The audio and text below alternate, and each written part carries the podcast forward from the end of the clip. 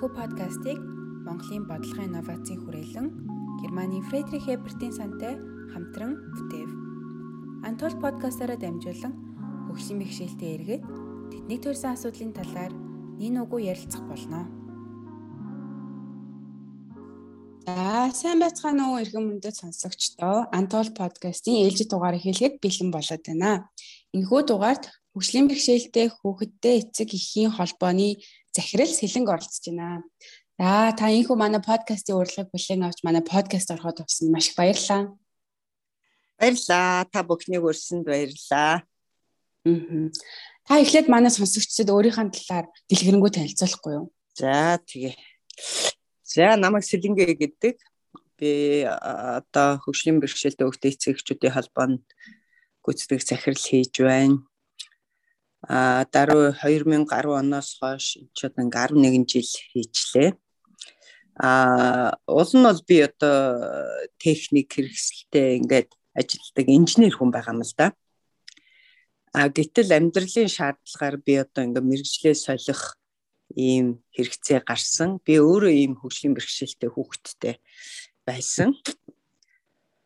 Аа тэгээд аа энэ шалтгааны улмаас би энэ эцгийн холбоо гэдгийг энэ энэ холбоонд эхнээс нь ингээд өдөртөх зөвлөл дараа нь гүйцэтгэх захирал гэдэг ингээд энэ ажлуудыг хийгээд явж байна. Тий. А одоо манай байгуулагчид ингээ 20 жил болцсон. Тэгэхэд бол тал хугацаанд нь бол энэ байгууллагт бол ингээд өдөр тутмын үйл ажиллагааг нь өдөртөн зохион байгуулад ингээ явж байна. Танай холбооноос ерөнхийдөө ямар үйл ажиллагаа явуулдаг вэ? Тэгээд тэр дундаасаа яг алийн голчилж ингээд явуулдаггүй. Аа. За тэгэхээр манай энэ эцэг эхчүүдийн холбоо гэдэг бол яг доороосоо үүсгэл санаачлагтайгаар байгуулагдсан байгаа. Ингээд 98 99 онд бол ийм Английн хүүхдийг ивэх сан гэж байлаа. Аа тэгээд энэ интеграцчлсан сургалт гэх мэт цэцэрлэгт явж исэн хөгжлийн бэрхшээлтэй хүүхдүүдийн эцэг эхчүүдийг сургалтанд суулгаж тэндэд сууж байсан эцэг эхчүүд ингэж санаачлаг гаргаж ер нь энэ эцэг эхчүүд хоорондоо нийлж нэгдэх ёстой юм биш үү? Бүгдээрээ ингэж нийлж ээж хүүхдүүдийнхээ төлөө бас дуурж дуу хоолойнд болж ажиллая гэд. Тэгээд энэ 2000 онд энэ хөгжлийн бэрхшээлтэй хүүхдийн эцэг холбоо гэдгийг байгуулж ингэж одоо өдөө хүртэл ингэж ажиллаж байна одоо манай холбоо маань эн чинь зөвхөн Улаанбаатарт байхгүй эн чинь хүн байгаа хүний нийгэмд л ер нь энэ хөгжлийн бэрхшээл гэдэг юм байж идэг. Байсан, байж байгаа, ирээдүйд ч байх бол. Тэгэхээр энэ хөгжлийн бэрхшээл гэдэг бол өөрөө ийм нийгмийн одоо хамгийн том бүлэг гэж үздэг юм байлээ. Олон улсад. Энэ хөгжингүү улсад. Тэгэхээр хөгжлийн бэрхшээл гэдэг бол төрөхөд янз бүрийн шалтгаанаар одоо угаасаа тийм хөгжлийн бэрхшээлтэй хүн төрдөг аа усал аваар өвчний бол масс болдог. Гэхдээ л нийгэмд тодорхой хувь нь бол ийм хөгжлийн бэрхшээлтэйгээр ингэж амьдарч мөн насжилттай холбоотойгоор хөгжлийн бэрхшээл гэдгийг бол хүн бүхэн туулдаг ийм зүйл юм байна. Тийм учраас энэ хөгжлийн бэрхшээлтэй хүүхдийн эцгийн холбоо бол орон нутгуудад байгуулагдсан. А одоо бол 16 аймагт байгуулагдсан ажиллаж байна. А Улаанбаатар хотод ингээд илүү дөрвөн дүүрэгт илүү идэвхтэй үйл ажиллагаа явуулаад тэг ингээ 20 салбартаагаар манайх үйл ажиллагаа явуулдаг. За үндсэн гол зорилго бол манайх хөгжлийн бэрхшээлтэй хүүхдүүдийн эрхийг нийтлүүлэхийн төлөөх үйл ажиллагааг зохион байгуулах. Тэгэхээр эрхээ эдлэнэ гэдгийг бид нар юу гэж ойлгодог вэ гэхээр а хүүхэд төрснөөсөө авахуулаад хэрвээ л хөгжлийн хоцрогдолтой байвал аль болох эрт онцлогдож, илэрч онцлогдож тэр бага насны хөгжлийн дэмжлэгийг аль болох эрт авах ёстой. За энэ үйлчилгээг хүн одоо хөгжлийн бэрхшээлтэй хүүхдүүд энэ бүх үйлчилгээг төрөөс үн төлбөргүй авч байх ёстой. Өөрөөр хэлбэл төрийн тогтолцоонд энэ бүгд орсон байх байдаг. байх ёстой байдаг. Одоо энэ бол манай тогтолцоонд ороод явж байгаа. Явж байгаа. Тэгтээ бас учир дутагдaltaй зүйлүүд байна. За тэгээд баг насандаа ингээд хөгжлийн дэмжлэгийг аваад дараа нь боловсролд хамрагдах ёстой. Хөгжих ёстой. Тэгэхээр энэ бол цэцэрлэг сургууль одоо сургуулиар өөрийнхөө орон нутагт үеийнхээ хүүхдүүдийн хажууд сурж хөгжих нийгэмших ёстой гэдэг ийм итгэл үнэмшилтэй бид нар байдаг. Тэгэхээр манай байгууллага бол нэг төрлийн хөгжлийн бэрхшээлийг төлөө явдаг ийм байгууллага биш. Нийт хөгжлийн бэрхшээлтэй хүүхдүүдийн энэ 11600 хүүхэд Монгол улсад байдаг. Тэгэхээр тэр бүгд өөрөө өөрийнхөө орон нутагт гэр бүл дотроо өсөж хөгжиж эрхээ эдэлж байлгуулахын төлөөх үйл ажиллагааг явуулдаг. Тэгэхээр манай үйл ажиллагааны хэлбэр болвол эцэг эхчүүдийг илүү эрх зүйн боловсрол мэдлэгтэй болгосноор тухайн тэр одоо төрийн тогтолцоондох тэр үйлчилгээнд хамруулах хэрвээ тэр үйлчилгээнд чанартай хамрагдаж чадах юм бол тэр хүн эрхээ эдлэн а тэр хүн эрхээ эдэлж чадах юм бол хөгжин а дараа нь нийгэмдээ одоо нийгмийн нэг гишүүн болоод баяртай жаргалтай амьдрах хэдий хөгжлийн бэрхшээлтэй ч гэсэн бид нар бол ийм ихтгэл үнэмшилтэйгээр а тэгээд эцэг эхчүүдийг нь илүү одоо энэ тодорхой хууль дүрм журмуудын мэдлгүүдийг эзэмшүүлэх тал руу одоо сүүлийн 4 5 жил бол идэвхэл ажиллаж байгаа. Ингээд хөгжлийн бэрхшээлтэй хүүхдүүд маань ингээ эрхээ эдлээд ингээ явхад ингээ хамгийн том тулгардаг асуудлууд нь одоо өнөөдөр Монголын нийгэмд яг юу юу байдаг вэ? Аа тий. Тэгэхээр яг хүүхдүүдийн өмнө маань маш их асуудал тулгамдж байна. Үнэхээр эрхээ эдэлж чадахгүй а одоо сурч боловсрох зарим тохиолдолд эрүүл мэндийн үйлчилгээгээ авах чанартай үйлчилгээг авч чадахгүй ийм байдалд бол олон хөгжлийн бэрхшээлтэй хүүхдүүд байна. Зөвхөн одоо юу гэдгийг аслагдсан газрын гихгүй хотод байгаа нь ч гэлээ гэсэн Улаанбаатарт байгаа хөгжлийн бэрхшээлтэй хүүхд чиг тодорхой энэ үйлчилгээнүүдийг авч чадахгүй байна. Тэгэхээр сурах, хөгжих, оролцох эрхүүд бол үнэхээр зөрчигдөж байгаа. За би түрүү хэлсэн 11600 хүүхэд байдаг гэдгээ 4000 гаруй хүүхэд нь боловсролын ямар нэгэн үйлчилгээнд хамрагдаагүй байдаг. Тэгэхээр энэ бол нэг 60 хэдэн хувь нь нэг хамрагдчих байна. 30 хэдэн 34% гэдэг баха. 34% нь бол боловсролд огт хамрагдаагүй. Гэтэл энэ болбол одоо боловсролын тухай хууль Монгол улсын үндсэн хуулиараа Монгол улсын иргэн бүр суур боловсролыг үн төлбөргүй эзэмшсэн байна гэд тийм ээ а мөн сурж боловсрох эрхтэй гэд ингээ заасан байдаг.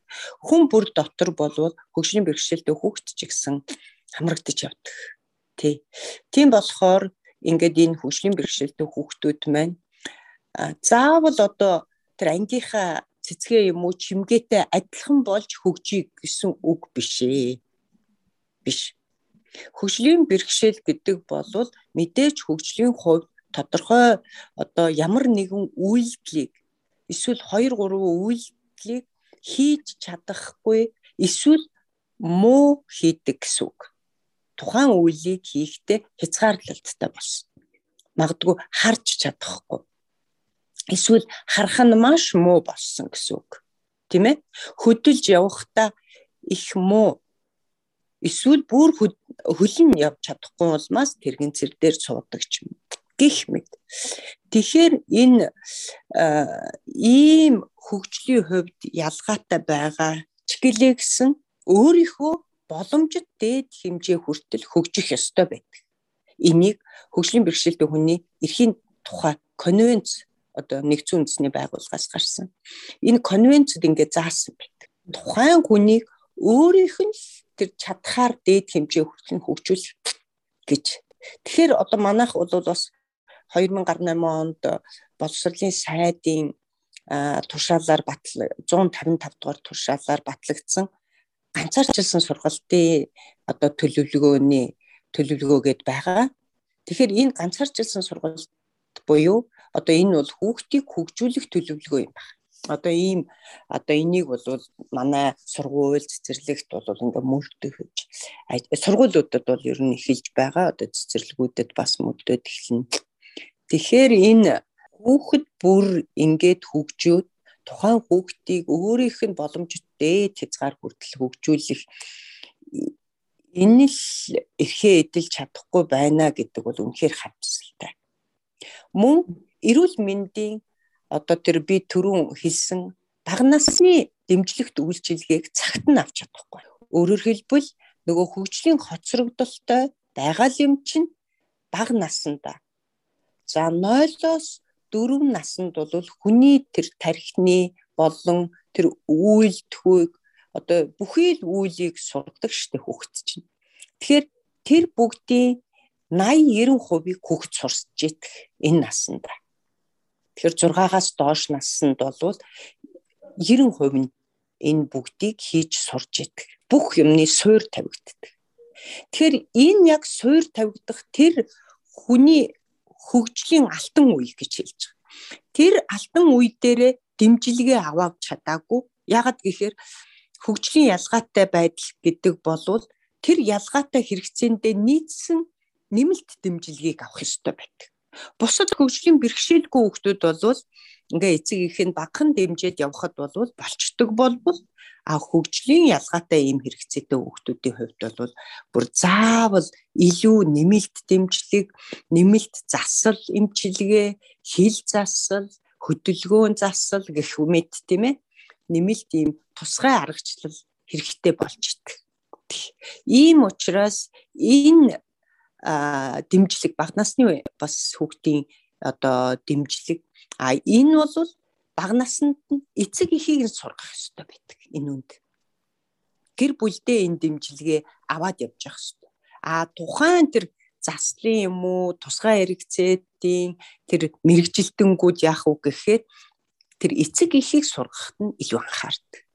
Ийм үйлчилгээ байхгүй байгаа учраас манай эцэг эхчүүд тухайн орон нутагта хүүхэд хөгжлийн төв гэдгийг бас байгуулан төрөөс ийм үйлчилгээ байхгүй учраас өөрсдөө чадан адан ингэж бас ийм бас төрийн үйлчилгээ бий болох нь одоо өөрсдийнхөө орон нутагт бас ийм үйлчилгээг одоо хүүхд хөгжүүлэх төвүүдийг байгуулад ажиллаж байгаа.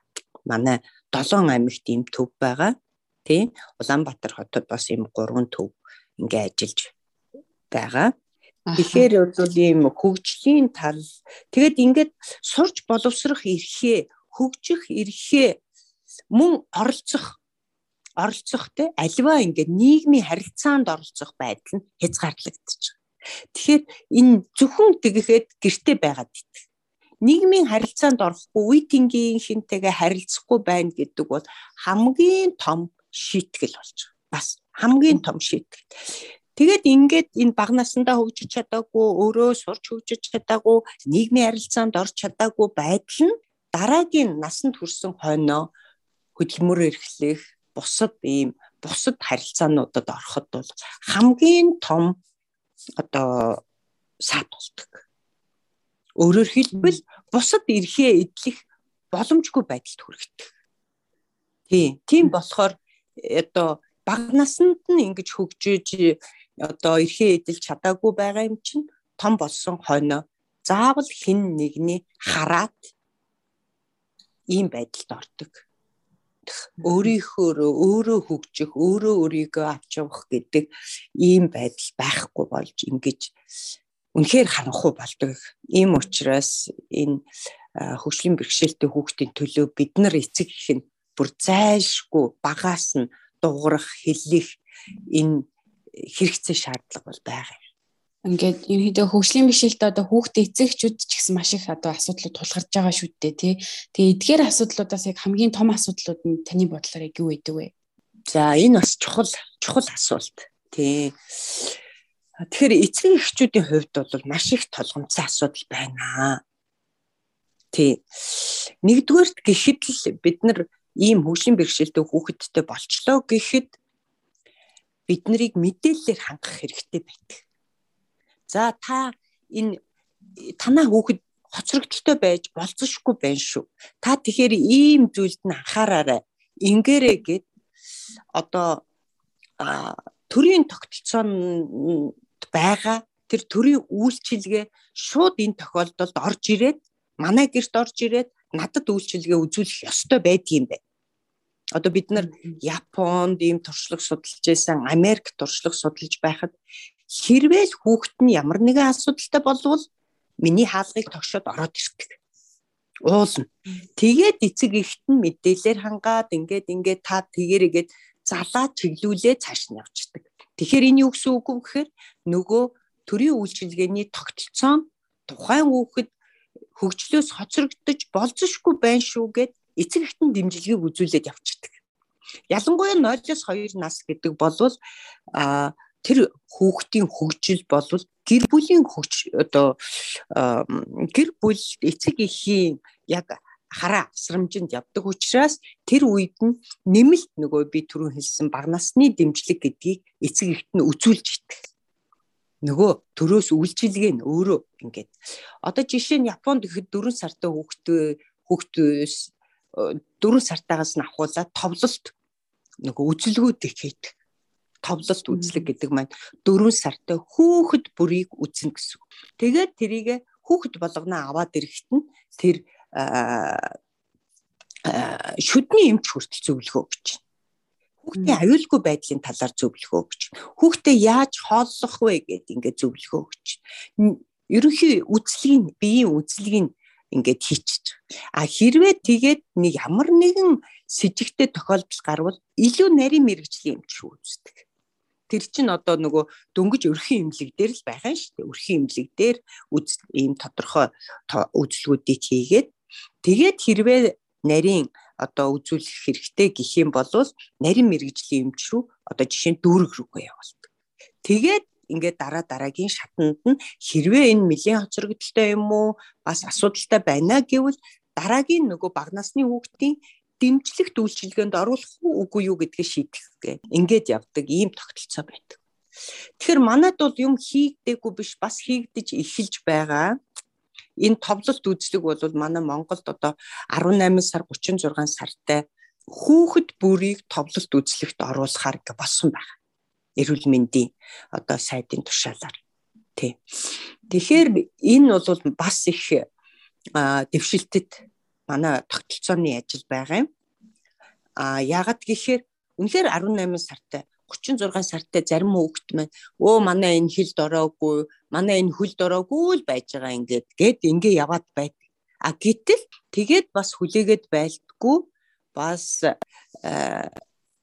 эцэг их бас мэдээлэл авч а мэдээлэл авах гэхээр хаанаас авахаа мэддэг эцэг эхчүүд. А тэгээ мэдээлэлгүйгээсээ болоод миний хүүхэд ийм муу хүнд бэрхшээлтэй хөгжиж чадахгүй учраас энэ хүүхдийг эмчлэх ёстой а мэдээж эмчилгээ хэрэгтэй. Эмчилгээ гол би үгүйсгэхгүй а хамгийн гол нь эмчилгээ хийл гэж байхынхаа хажуугаар нөгөө хүүхдийн нас одоо цаг хугацаа гэдэг чинь биднийг хүлээдэггүй. Ингээд сар сар сараараа өнгөрөө жил жилээрээ ингээд өнгөрчдөг. А гэтэл нөгөө хүүхдийг хөгжүүлэх үйл ажиллагаа нь орхигдсон байна гэдгийг эцэг их мэддэггүй. Энэ хамгийн одоо харамсалтай асуудал. Тий, харамсалтай асуудал. Тэгэхээр эцэг их энийг мэдээгүй байдаг нь хамгийн хүндрэлтэй асуудал болдог. За мэдээж эцэг эхийн хувьд хамгийн тулгамддаг асуудал бол сэтгэл санааны байдал одоо яах учраа мэдэхгүй ингээд дээшээ тэнгэр хол доошоо газар хатуу болох үе байдаг. Тэгэхээр яг энэ үед нь одоо жишээ нь яг ийм мөчтөл бид нар хурж үйлчлэх юмсан гэдэг одоо манай холбоо боддог. А гэхдээ манайх ч одоо жижиг төрлийн бус байгууллага чадах хэрээрээ хүрэх гэж байгаа хэрнээ а бас тэр бүр бас хүрч чадахгүй байдаг. Тэгэхээр миний саяны хилээд байдаг одоо хэрвээ хүүхэд хоцрогдолтой байвал тэр сэтгэл зүйн үйлчилгээнд эцгийг хамруулдаг, дэмжлэгт үйлчилгээнүүдэд хамруулах ингээл явчихад тэр эцэг эхийн нөгөө нэг тулгамдсан үнэхээр одоо юугаач мэдэхгүй байгаа энэ үед нь бол дэмжлэг болоод явдаг. А гэтэл зарим тохиолдолд үнэхээр мэдэхгүй эмч нар нөө а одоо тийм сөрөг хандлагатай өөрөө ёс зүйн одоо хувьд одоо буруу ийм байдлаасаа болоод эцэг эхийг гомдоох эцэг эхийг одоо одоо юу юм тийм сөрөг хандлагаар хандах ийм байдал байдаг нь эцэг эхийг үнэхээр гомдооход хүргэдэг. Тэгэхээр нөгөө хөгжлийн бэрхшээлд хандах бас ийм сөрөг хандлага гэж байна л да. Тэр нь юу гэхээр халамжлах хандлага эсвэл эрүүл мэндийн хандлага гэж. Тэгэхээр халамжлах эрүүл мэндийн хандлага хоёр бол хоёулаа тухайн хөгжлийн бэрхшээлтэй хүүхэдтэй хөгжилд нь садаа болдог ийм хандлага мэдээж халамжлах гэхэд одоо ойлгож байгаа бах. Ингээл иви иви иви хөөрхи энэ маань ингээд ийм юм чадахгүй, тийм юм чадахгүй би өмнөөс нь хоолыг өгчий. Тийм ээ? Хизээж эн чинь юм сурахгүй шүү дээ гэсэн шиг ийм хандлага байдаг. А эрүүл мэндийн хандлага гэдэг бол энэ хөгжлийн бэрхшээлтэй хүнийг өвчтөн гэж хардаг. Өвчтөн юм чинь энэ хүнийг эдгэх ёстой. Ангаах ёстой. Зарим тохиолдолд хөгжлийн бэрхшээл өвчин байна үнэхээр эмчлэх хэрэгтэй байдаг. А гэтэл төрөлхийн одоо зарим үе мөчин байхгүй төрцөн өдр хүн байдаг штеп. Тийм үү? А жишээ нь осолд ороод хөл гараа тайрах юм уу? А эсвэл одоо ямар гэдгийг одоо хэлгүй болцсон тохиолдол байдаг. Янз бүрийн шалтгаанаас сонсголгүй болцсон тохиолдол байдаг. Тэгээд эргэшгүй. Нэгэнд тийм болцсон. Тэгэхээр тэр им өгөөд хилд оруулна эсвэл сонсголтой болгоно гэж байдгүй юм байна. Тийм ээ? Байхгүй. Тэр гар хөлийг нь ургамал шиг ургуулчихна гэж байхгүй харамсалтай. Тэгэхээр энэнд бол ямар ч эрүүл мэндийн хандлага хэрэг байхгүй байхгүй. Тийм үү? Тэгэхээр бид нар өөрсдөө гítэл эцэг нь ийм хандлагатай байгаа л имээр бөмбөгдөөл им өгөөл эсвэл ингээд одоо хагалгаанд оруулна гэж бүх одоо хөл дээр нь босгож авна гэд ингээд яваад байдаг. А гэтэл зарим тохиолдолд энэ маань ганцхан ганцхан эрүүл мэндийн хандлагаараа хандаад байх нь хүүхдтэй хохирлтой байдаг. Ийм нөгөө буруу хандах хандлагууд эцэг ихэд байдаг. Энэ нь үнэхээр тэдэнд хүндрэлийг хүч гэж авчирдаг. Тэгэхээр нөгөө эцэг эхчүүд маань и хэрвээ ийм хүүхэд нь хоцрогдолтой бүр ингээ хөгжлийн бэрхшээлтэй болсон тохиолдолд зөв мэдээлэл мэдлэгүүдийг авах юм бол цаашаага зөв тийш нь хүүхдэд залах тэр хөгжүүлэх рүү хандуулах боломжтой болж байгаа. Ерөнхийдөө одоо энэ эцэгчүүд маань ерөнхийдөө хүүхдийг хүлээн зөвшөөрч чадахгүй байна гэсэн үг үү? Яг зөв. Яг зөв хэллээ чи. Яг зөв хэллээ. Хүүхдээ хөгжлийн бэрхшээлтэй болцсон гэдгийг хүлээн зөвшөөрөхгүй эцэг их эмээ өвөө байдаг. Хүүхдээ хөгжлийн бэрхшээлтэй болсон хүлээн зөвшөөрнө гэдэг нь тэр хөгжлийн бэрхшээлтэй нь хамт цаашаа амьдрна гэсэн үг. Тийм ээ? Нэгэнт одоо нэг ийм юм өвчний улмаас юм уу? Асуул аваараас юм уу? Угаасаа бүр ингээд төрцсөн юм уу? Байна штэ. Тийм ээ? А тэгэл хэрвээ тийм эргэшгүй юм болцсон л бол одоо хүлэн зөвшөөрөөд харин цаашаа яах вэ? Энэ бэрхшээлтэйгээ энэ хүн цаашид яаж энэ нийгэмд амьдрах вэ? Яг ингэж нөгөө эцэг их зорилгоо өөр болгох хэрэгтэй байдаг. А тэгэхгүй одоо ингээл эмчилж ангаагаал эдгээчэл эрүүл болохоор нь нийгэмд оруулна гэдэг ийм хандлагатай а ийм зорилгыг тавьчихаар үнэхээр хэцүү болоод а энэ нь сүулдэ яг хүүхэдтэй л хохиролтой болдог бид нар эцэг их өөрсдөө бид нар мөнх биш. Харамсалтай. Тэгэхээр нөгөө хүүхдээ бие даах, хүүхдээ хөгжиж энэ ямар хатуу нийгэм билээ тийм ээ. Тэгэхээр энэ нийгэмд өөрөө өөрийгөө аваад явхад сургах, хөгжүүлэх а оролцох энэ нөгөө боломжуудыг бий болгох тал руугаа бид нар илүү анхаарахгүй бол нийгэмд байгаа хүүхдээ л зөвхөн засаж залаад одоо засаад эрүүл болгоод орчхоор энэ нийгэм болчихно гэж бодоод байгаа нь одоо маш өрөөсгөл болчихно. Одоо олон улсад хөгжлийн бэрхшээл гэдэг бол зөвхөн тухайн хүний асуудал биш болсон. Хөгжлийн бэрхшээл гэдэг бол тухайн хүн тодорхой тэр эмгэг, соггог юм байна, тийм ээ? Хөгжлийн хязгаарлагдсан тийм зүйл байна. А гэхдээ түүн дээр нэмээд нийгэм өөрөө хүний хөгжлийн бэрхшээлтэй болгодгийн байна гэдэг ийм одоо тэр хөгжлийн бэрхшээлд үүний эрхийн тухай конвенцоор ингээд заагаад өгсөн байж байгаа. Өөрөөр хэлбэл за жишээ нь явж чадахгүй хүн байна. Тийм ээ? Явж чадахгүй байна гэ тэр хүн тэрэгцэр дээр суудсан. Тэгэхээр хамгийн гол зорилго тэр хүнийх юу? Нэг цэгээс нөгөө рүү шилжилт хөдөлгөөн хийх байгаа үсттэй. Тэгэхээр одоо шилжилт хөдөлгөөнөө тэр хүн хийж чадхаар болсон уу? тэрэн дээр суухаар чадна чадна. Тийм үстэй. Өөрөө гараараа ингээд залаад явна. А гараараа ингээд явж чадахгүй бол одоо зүгээр нэг товч дараал урагшаа хойшоо хөдөлгөөд явдаг бас автомат тэрэгцэр байдаг болцсон тийм ээ. Тэгэхээр ингээд өөрийнхөө тэр согог хөдөлж одоо нэг цэгээс нөгөөд шилжилт хөдөлгөөн хийж чадахгүй байдлаа тэрэгцрээр орлуулсан. Тэрэгцрээр орлуулад гудамд гарахаар яадаг нөгөө энэ гудамны боржуур байна. Одоо гудам талбайд явж чадахгүй байдал чинь тухайн хүний өөрийнх нь бэрхшээл мөн үү? Биш шүү дээ. Биш шүү дээ. Гэтэл яасан? Нийгэм энэ хот нь өөрөө тухайн хүнийг гудамд явж чадахгүй байдалд хүргээд хөгжлийн бэрхшээлийг үүсгэж байгаа байхгүй юу? Тэгэхээр одоо олон нийтээрээ хөгжлийн бэрхшээл гэдгийг ингэж харддаг болсон.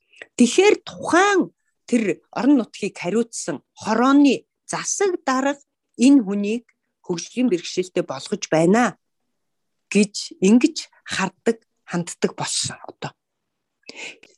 Хажуудлынхаа дэлгүүрт тэрэгцэртэй орж чадахгүй байна гэдэг маань юу?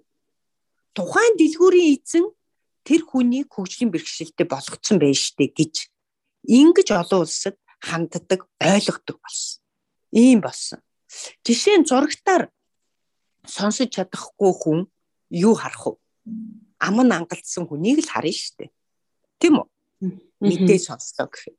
А гэтэл эн чинь тухайн хүнийг тухайн зурагтын сувг тэр хүнийг хөгжлийн бэрхшээлтэй болгож байгаа байхгүй? Тэгэхээс тэр хүн өөрөө хэрвээ дохиод гараараа ингээд дохиод үзүүлчих юм бол яадаг вэ? Ойлгоно ойлгох байхгүй юу? А гэтэл тухайн телевизийн сувгч нь тэр хүнийг ингэж хөгжлийн бэрхшээлтэй болгож байна гэдэг ийм ойлголт бий болсон. Одоо энэхүү ингэж яг хардаг одоо Монголд яг тийм хүмүүсийг ингэж хардаг болов Одоо ер нь бас ийм болгох гээд энэ хөгжлийн бэрхшээлтэй иргэдийн байгууллагууд одоо тэмцэж байна. Өөрөө өөрсдийнхөө төлөө одоо ингээд өөрөө өөрсдийнхөө дуу хоолойг гаргаж энэ хөгжлийн бэрхшээлийн хөд ингээд эрхийнхээ төлөх хөдөлгөөн гэдгийг ингэж өрнүүлдэг болсон. Одоо 1970-ад онд бол Америкт энэ хөдөлгөөн өрнөөд тэ? А нөгөө капитол гээд Вашингтон ДС-д байдаг. Ингээ маш хүндэр шаттай. Тэр шатуудаар нь хөл гаргүй одоо хүмүүсүүд бүр мөлхөөд бүгдээрээ дээшээ гараад Тэгээд тэнд ингээ хөгжлийн бэрхшээлийн хөдөлгөөний хувьсгалыг хийж ирсэн. А тэгээд тэр конгрессор нь одоо хөгжлийн бэрхшээлтэй хүнийг ялгуурлахгүй тийм ээ ямар ч тохиолдолд за rehabilitation act 504 гэж гаргуулж ирсэн. Тэр нь бол их түүхэн бүр одоо энэ хөдөлгөөний Америкт бол энэ хөгжлийн бэрхшээлийн хөдөлгөөнөөр бүр гаргасан одоо бүр ийм баримт бичиг байдаг.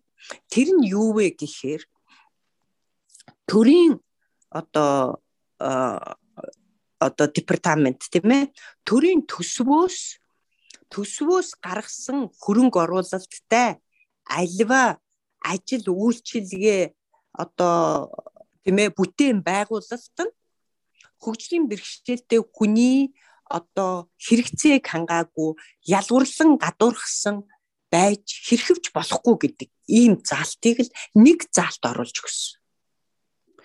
Энэ заалтыг л оруулж өгснөөрөө тэд нар бүр үнэхээр баярлсан. Баяр хийсэн. А Америкт нэгэнт ийм хууль гарчих юм бол тэр хэрэгждэг. Мөн үү? Хэрэгждэг. Одоо ганц Америк гэхгүй ингээд Солонгос, Япон, одоо бусад орн одоо энэ хятад хүртэл тийм ээ тэр дид бүтэц гудамж талбай барилга байшин ямар байна манайхан одоо бүгд ингээ гадаад явдаг үүсдэг харддаг тэгэхээр ядаж хамгийн ихний ээлж нь төсвийн хөрөнгө оруулалттай бүх барилга байгууламж ажил үйлчилгээ за юу бүгдээрингийн төрлийн бэрхшээлтэй хүнийг ялгуурлахгүйгээр энэ ажил үйлчилгээг гүйцэтгэн гэд ингээд хийчихдэг. Ингээд хуулинд оруулчихдаг. Тэгээд энэ хуулиа шаарддаг. Иргэд биднийг ялгуурлан гадуурхаж болохгүй. Тэгэхээр ийм байдлаар ингэж хүмүүсүүд өөрсдөө эрхийнхээ төлөө тэмцдэг.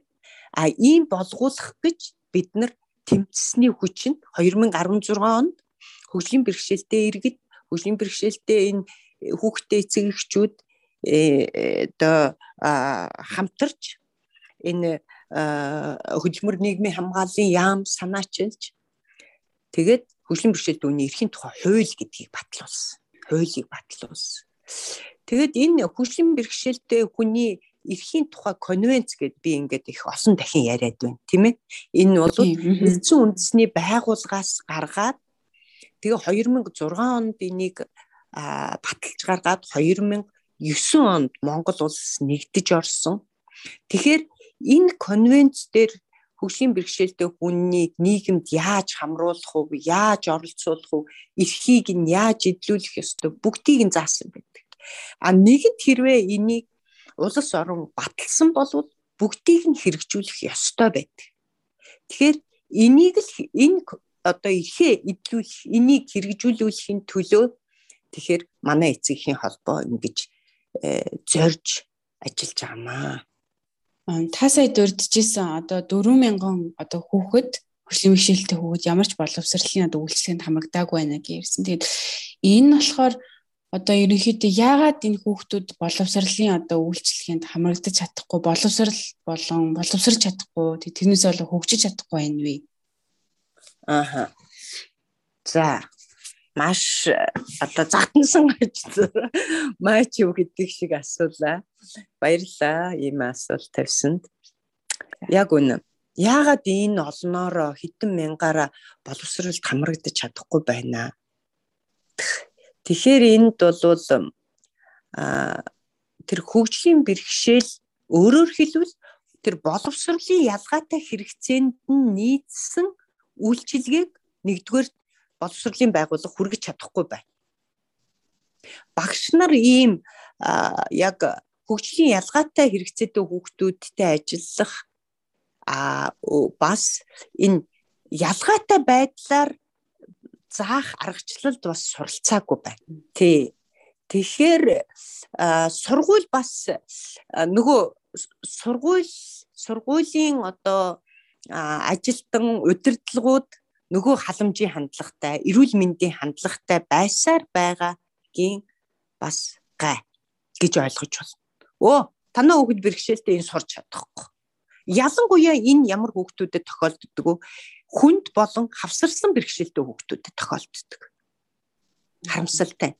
А тэгэхээр ямар ч бэрхшээлтэй бай тэр хүнд хөнгөн гэлтгүү хавсарсан ч бай бэрхшээлтэй бай танай хүүхэд сургууль болон цэцэрлэгт бүрэн хамрагдах боломжтой. Бүр чадна гэж хэлмээр байна. А тэгэхдээ тэгэхдээ нэмэлт дэмжлэг арга хэмжээ байдаг. Тухайн сургуульд. Тэгэхээр манай бас боловсролын энэ хөгжлийн бэрхшээлтэй үний эрхийн тухай хууль 4-р бүлэг 14-р зүйл нь бол яг боловсрол байдаг боловсрол. А энэ боловсролын одоо бас энэ өвөгтийн эрхийг хангуулах талаар одоо боловсролын багц хуулиндаа өөрчлөлт яг оруулаад хилэлцэгдэж явж байна. Яг эхэлж байна. Тэгэхээр энэ боловсролын ерөнхий хууль а сөв багтанд боловсролын тухай хуулиудад одоо иргэний нийгмийн байгууллагууд а ялангуяа энэ бидний нэгдэж орсон боловсрол тэгш хамруулах үндэсний сүлжээ а бүх нийт боловсролын төлөө иргэний нийгмийн үндэсний эвсэл нийлээд бид нар саналаа өгч байна. За энэн дээр одоо бид нар яг энэ боловсролын гадна байгаа хүүхдүүдийг яаж боловсрол руу оруулдгийм бэ? Бид нар энийг энэ гадаад улсад ямар байдгийг судалсан. Тэгээд энийг тэр хуулийн дээр нь ямар байдгийг яг энийг оруулъя гэж ингээд судлаад энэ хууль руу саналаа оруулсан байж байгаа. Тэгэхээр энэ дээр юу гэж оруулсан бэ гэхээр дэмжих үйлчилгээ гэдгийг дэмжих үйлчилгээ хөгжлийн бэрхшээлтэй хүүхдэд нэг ялангуяа хүн хэлбэрийн бэрхшээлтэй хүүхдэд энэ энэ дэмжих үйлчилгээ гэдэг зүйл байх юм бол хөгжлийн бэрхшээлтэй хүүхдүүд боловсролд хамрагдахад нөгөө тусгай хэрэгцээндийн нийцсэн хариу үйлчилгээ үзүүлж байгаа. Ийм ажил. Тэгэхээр би дэмжих үйлчилгээ гэдгээ тайлбарлая. Дэмжих үйлчилгээ гэдэг нь одоо нөгөө хөдөлгөөн засал, хил засал, тийм ээ? Хөдөлмөр засал. За хүүхдийн чөлөөт нөгөө хичээлээс гадуурх хөгжлийн ажиллагаа, нөгөө дохионы орчуулга, нөгөө тээврийн үйлчилгээ, тийм ээ? За туслах багшийн үйлчилгээ бас энэ дэмжих үйлчилгээнд орж болдог. А за сэтгэл зүйн үйлчилгээ гих мэт. Ингээд ийм нэмэлт одоо Америкийн IDEA гэдэг хуулинд бол 16 нэмэлт үйлчилгээ байдаг. За тэгэхээр энэ дэмжих үйлчилгээг нөгөө салбар дундын зохицуулалтаар хийдэг ийм үйлчилгээ байна. Өөрөөр хэлбэл боловсролын салбар энийг заавал хүргэнэ гэсэн үг биш.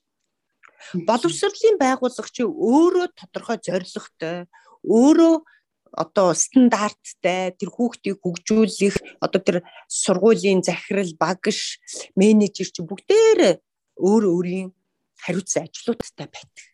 Тэгэхээр тэд нараар яг тухайн хариуцсан ажлуудыг нь хийлгмээр байдаг. Хийлгэх ёстой. Боловсрол бол боловсролынхоо зорилгын төлөөх боловсролын байгууллага нь тэр ажлуудаа л хийх ёстой. А гэтэл нөгөө ингээд одоо манайд бол ингээд зарим багш нар хүүхдүүдийг авчингуудаа саажилтаа хүүхдийг за одоо хөдөлгөөн цэцлийн яаж хийх вэ гэдэл ингээд багш нь өөрөө тэрийг сурах гад мөн үгүй тийм хэрэгцээ байхгүй. Тэгэхээр ангийн багш яг хичээлээ заах, хичээлээ хүүхдүүдтэй хүргэх, сургахтаа анхаарна. А магадгүй тэр саажилттай хүүхдэд а юу байх юм бол саажилттай хүүхдэд тэр хөдөлгөөн цэцэл гэдэг хэрэгтэй байвал тухайн сургуулийн захирал тэр бусдаар гүйцэтгүүлэх ажил үйлчилгээ гэдэгт одоо энэ дэмжих үйлчилгээг оруулах хэрэгтэй байна. Тэгэхээр бусдаар гүйцэтгүүлэх ажил үйлчилгээгээс магадгүй тухайн сургууль нэг 3 юм уу 4 хүүхдэл хөдөлгөөн засал шаардлагатай байж болно. Тэгэхээр хуваарийн дагуу тэр хөдөлгөөн засал хийдэг хүмүүсийг гаднаас авчираад хөдөлгөөн цэцлийг хуваарийн дагуу 7 хоногт 1 2 хийгээл болоо. Тэгэхээр энийг бол тэр сургуулийн захирлын үүрэгт оруулаад нөгөө бусдаар гүйцэтгүүлэх ажил үйлчилгээ худалдан авах боломжийг олгоод а тэгэхээр бусдаар л гүйцэтгүүлээд явчих. Ийм ажиллаар дэмжих үйлчилгээ гэдэг ийм одоо салбар дундын тогтолцооны зүйлийг оруулж ирэх хэрэгтэй. Тэгэхээр эний чинь эрүүл мэндийн салбар гүйцэтгэн а мөн зарим нь халамжийн байгууллага гүйцэтгэн а зарим нь зүгээр хувийн одоо компаниуд байгууллагууд эсвэл төрийн бус байгууллагууд хийчих ажил байгаа байхгүй.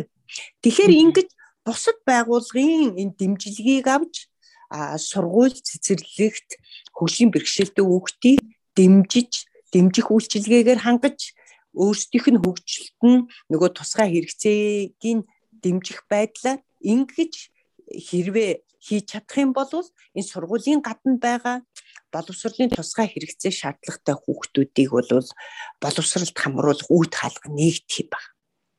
Тэгэхээр нөгөө одоо бид нар бол ингээд боловсролд тэгш хамруулна, үе тэнгийнхэнтэйгээ хамт сурна, нийгэмших оролцох үеийг бий болгоно гэж ярьж байгаа. А гэтэл нөгөө ийм дэмжих зарим үйлчилгээнүүд нь байхгүй байгаа нь хүүхдүүд боловсролын гадна байх ийм байхаас өөр аргагүй байдалд хүрчихээд байгаа байхгүй юу. Тэгэхээр энийг одоо боловсролын хуулинд бол бүр зайлшгүй оруулах, оруулахын төлөө бид нар бас ингэж хилж ярьж ингэж яваамаа. Ам ерөнхийдөө манай подкастын цаг өндөрлөгдөх чинь тэгээ танаас сүүлийн асуултаа асууя. Тэгээд одоо ер нь ковид цар тахлын нөлөө ер нь хөгжлийн бэрхшээлтэй хүүхдүүд болон тэдгээр эцэгчүүдэд хэрхэн нөлөөлж байгаа вэ? За энэ одоо үнэхээр бидний биднээс шалтгааллахгүй бүх хүүхдүүдэд маань бүх хүмүүсүүдэд нөлөөлж байгаа бас ийм үнэхээр бас яах вэ гэж бариг зарим тохиолдолд барьц алдсан ийм байдлыг нөхцөл байдлыг үүсгэж байна. За бид нар 2020 онд яг энэ ковид цар тахал гараад бас энэ хөгжлийн бэрхшээлтэй хүүхдүүдийнхээ хувьд энэ сурч боловсрох хөгжигт нь бас ямар нөлөө үзүүлж гэн гэд ингээд судлаад бас үтсэн. А тэгээд бид нар яг тэр судалсны үндсэн дээр нэг зайшгүй хэрэгцээтэй зүйл байна гэдгийг нэг хэд хэдэн зүйлийг гаргаж ирсэн байгаа. Тэрүүгээр юу гэхээр эцэг ихэд дэмжлэг хэрэгтэй байна эцэг ихэд. Тэгэхээр боловсролын яамнаас хэрвээ цахимаар сургалтыг явуулж байгаа бол эцэг ихэд ялангуяа хөгжлийн бэрхшээлтэй хүүхдийн эцэг ихэд хүүхдтэйгээ ингэж ажиллаарай. Хүүхдтэй ингэж дэмжих хэрэгтэй шүү гэдэг зөвхөн хүүхдэд цахим сургалт биш. Эцэг ихэд цахим сургалтыг хийгээч. Эцэг ихийг дэмжих үйлчилгээнүүд хэрэгтэй байна шүү гэж Тэгэхээр бид нар нөгөө хүүхдэд хөгжүүлэх, хүүхдэд хөгжүүлэх гэд ингээд байдаг. А гэтэл хүүхдэд хөгжүүлэх ажил чинь эцэг эх нь тэр хүүхдэд дэмжиж сургах ажил явагдана. А тэр цахим сургалт гэдэг бол 1 цаг, 2 цаг, за сайндаа 3 цаг яваал дуусдаг ажил өдөрт тийм үү? А гэтэл үлдсэн цагт нь эцэг их нь хүүхдэд хөгжүүлэх ажил байгаа учраас эцэг эхийг гэрийн багш болгох гэдэг бид нар бас ийм төсөл бас хэрэгжүүлээд харамсалтай нь бас бид нар нэг хоёр байгууллагуудад өгөөд бас ингээд цоцлогдоод байна л одоо төсөл байр батлагдсаггүй. Тэгэхээр манай ингээд Хөвсгөл аймгийн салбар бол энэ талаараа бүр ингээд туршлагажаад гэрийн багш гэдэг ийм одоо өөрсдөө туршаад үнэхээр амжилтанд хүрсэн ийм туршлага байгаа. Энэ туршлага дээр үндэслээд бид нар бас ийм төсөл бас боловсруулад одоо бас Э, ямар ч байсан бид нар э, санхүүжүүлэгч олно гэж найдаж байгаа. Тэгэхээр бид нар бол ийм гэрийн багш буюу эцэг эхийг гэртээ хүүхдээ хичээлийг нь заадаг, хөгжүүлдэг, сурган хүмүүжүүлэгч болгоход нь чиглэсэн үйл ажиллагаа хамгийн маш чухал юм бэл. Энэ бол зөвхөн хөгжлийн бэрхшээлтэй ч биш. Ер нь нийт эцэг их бид нар нөгөө юу яадаг штэ. Хүн болгон математикч, физикч болдоггүй.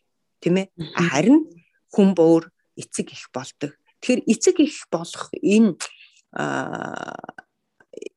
одоо ажил үйлчлэлийг нь дэмжсэн им арга хэмжээг л авч явуулах зайлшгүй чухал хэрэгтэй юм биш. Ялангуяа энэ ковидын нөхцөл байдлын үед. А тэгээд мэдээж дараагийн асуудал бол ковидын үед энэ юу байгаа юм? Тусгай хэрэгцээнд нийцсэн байдлаар энэ цахим үйлчилгээгээ хүргэх. За хамгийн одоо энэ сонсголгүй хөвгт дохионы орчуулга гэж байгаа боловч нөгөө дохионы орчуулгыг харах боломж ямар вүлээ тэр дэлгэцийн бүр 8 хуваасны нэг дээр байна уу тэр харахад маш хүнд байна. За анхаарал дутмагшил хид хөдөлгөөний эмгэгтэй хүүхдүүд гэж байдаг, аутизмтай хүүхэд гэж байдаг.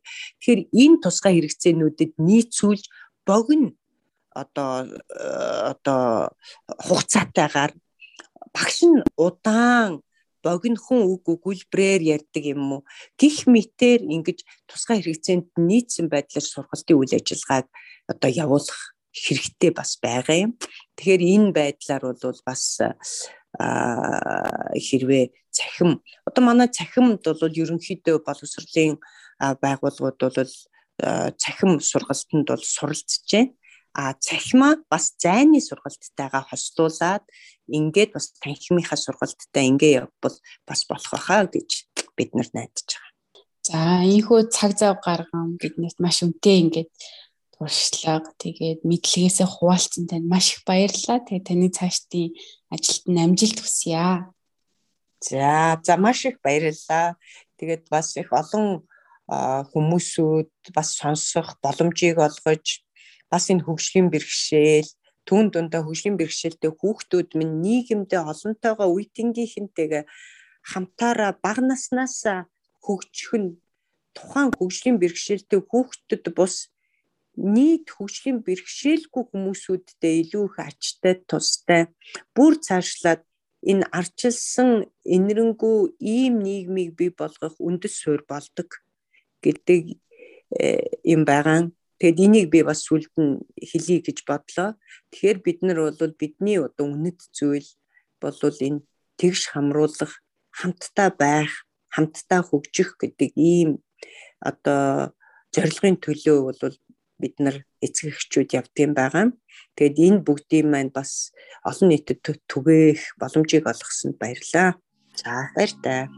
Баяртай.